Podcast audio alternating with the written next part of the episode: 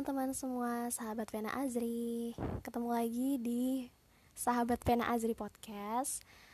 Um, Semoga kalian masih setia untuk mendengarkan uh, podcast dari Sahabat Pena Azri. Gimana self quarantine ke berapa ini ya? Aku sampai lupa ini ke berapa.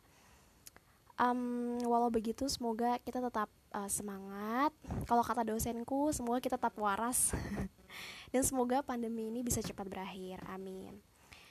Um, kali ini uh, Pena Azri bakal membahas atau berbagi ya berbagi informasi seputar kenapa sih kita tuh penting banget untuk nulis gitu. Dan mungkin kalian kayak ngerasa bosen banget kali ya. Maksudnya iya apa sih? Kok bahasnya menulis menulis mulu? Emang apa sih urgensinya gitu menulis itu? Kenapa kenapa kayaknya uh, aku hobi banget untuk ngomongin soal menulis gitu. Um, kenapa demikian? Mungkin kalau misalnya kita ngerasa menulis itu sesuatu yang apa sih ngebosenin tahu menulis begitu kan pasti otak mampet dan nggak selalu ada ide untuk nulis. Tapi guys, kita perlu melihat uh, lebih jauh nih kalau misalnya menulis itu pasti punya hal yang bermanfaat gitu dan aku yakin semua hal itu punya uh, sisi manfaatnya masing-masing gitu. Dan oke, okay, kita bisa mulai uh, melihat apa sih sebenarnya fungsi menulis. Kenapa sih um, aku sendiri suka banget yang namanya nulis. Kenapa aku ngerasa aku nggak pernah bosan gitu untuk nulis ya mungkin ada yang bilang kayak berarti kalau misalnya nulis tugas atau artikel gitu nggak bosen dong um, itu mungkin beda cerita kali ya tapi uh, karena aku hobi nulis jadi menurut aku menulis apa pun apalagi kalau misalnya uh, otak itu lagi encer banget pasti enak buat nulis apa pun ya. Pasti enak banget pasti bakal ngalir gitu. Oke okay, kalau menurut aku pribadi um, kalau misal kalian bertanya-tanya kenapa sih kak suka banget nulis? gitu bukan nulis itu ngebosenin ya. Emang apa sih manfaatnya menulis? Emang uh, ada ya maksudnya sisi yang ngebuat menulis itu hal yang menjadi istimewa gitu. Kalau menurut aku menulis itu uh, sesuatu yang emang istimewa benar. Kenapa? Karena kita bisa mengekspresikan apa yang ada di dalam pikiran kita. Mungkin nggak semua hal bisa kita tuangkan secara lisan ya nggak sih? Nggak semua hal bisa kita uh, uraikan dengan kata-kata uh, melalui mulut gitu. Kadang kita perlu yang namanya media untuk menuangkan apa yang kita pikirkan. Dan menurut aku menulis itu adalah salah satu manfaatnya adalah membuat kita bisa mengekspresikan diri kita. Mengekspresikan apa yang tidak bisa lisan kita ucapkan, mengekspresikan pikiran kita, menjadikan diri kita itu eh, aktual di dalam uh, dia di dalam dunia ini gitu. Maksudnya menulis itu adalah salah satu media aktualisasi diri. Jadi ketika kamu nggak bisa lagi ngomong apa-apa, mungkin ada yang terlalu bahagia sampai nggak bisa ber, berbicara apa pun tapi menulis bisa menjadi salah satu sarana untuk mengekspresikan kebahagiaan kamu. Atau mungkin ada yang galau banget sampai nggak bisa ngomong terlalu sakit asik terlalu sedih untuk berbicara terlalu menyesakkan hati untuk uh, mengeluarkan uh, apa namanya sakit hati itu gitu melalui mulut, melalui kata-kata yang diujarkan secara lisan. Kamu bisa, kita semua bisa mengekspresikan lewat uh, menulis gitu. Dan uh, karena menulis ini mengekspresikan apa yang kita pikirkan, ya bisa jadi dan memang uh, akan menjadi media dari aktualisasi diri seperti itu. Dan ya menulis itu juga sebagai media untuk uh, menenangkan diri ini berkaitan sama poin pertama ya. Kenapa menulis itu bermanfaat? Karena kita bisa tenang uh, dengan menulis. Apa yang nggak bisa kita sampaikan bisa kita utarakan dengan menorehkan kata-kata. Walaupun kita pikir, aduh aku tuh nggak bisa ber berkata-kata deh, aku tuh nggak pandai merangkai kata. Menulis nggak harus pandai merangkai kata guys. Menulis itu cukup dengan menuangkan apa yang sebenarnya kamu pikirkan ke dalam media melalui pena, entah melalui keyboard mungkin yang sekarang lebih uh, ke revolusi industri 4.0 gitu kan. Um, kita bisa menjadi tenang gitu dengan adanya menulis.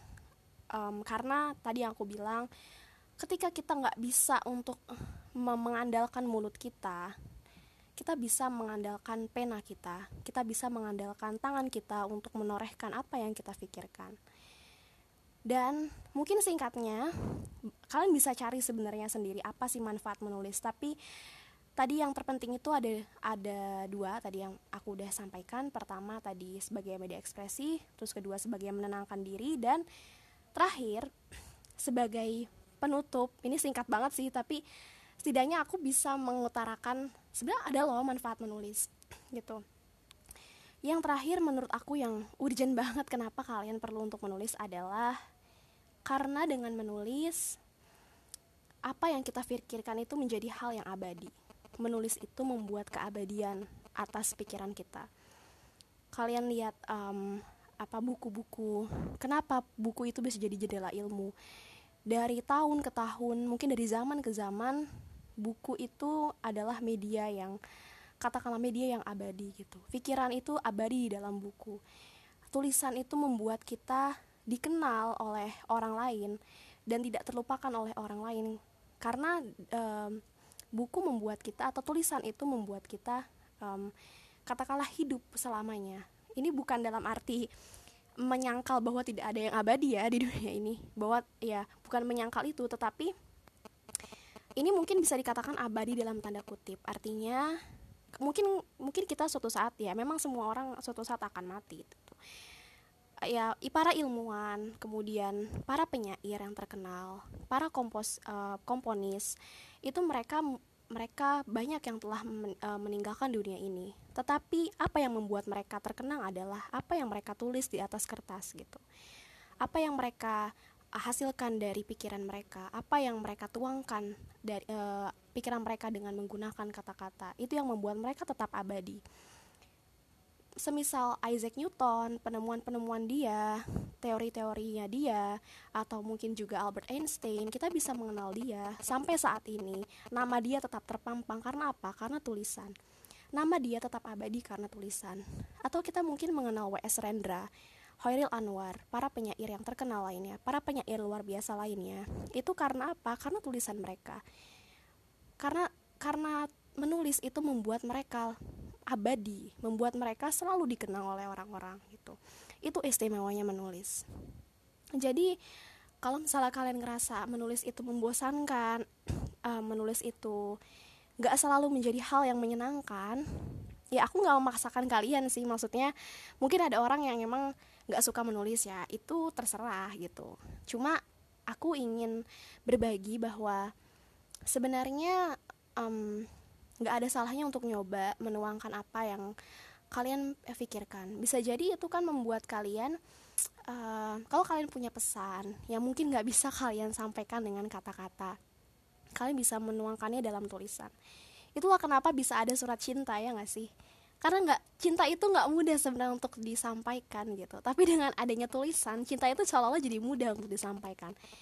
Walaupun memang apa yang di ditulis itu belum tentu merepresentasikan cinta yang sesungguhnya. Tapi tapi setidaknya itu bisa mewakili perasaan kita gitu. Hal yang nggak bisa kita ungkapkan bisa kita ungkapkan dengan apa? Dengan tulisan kayak gitu.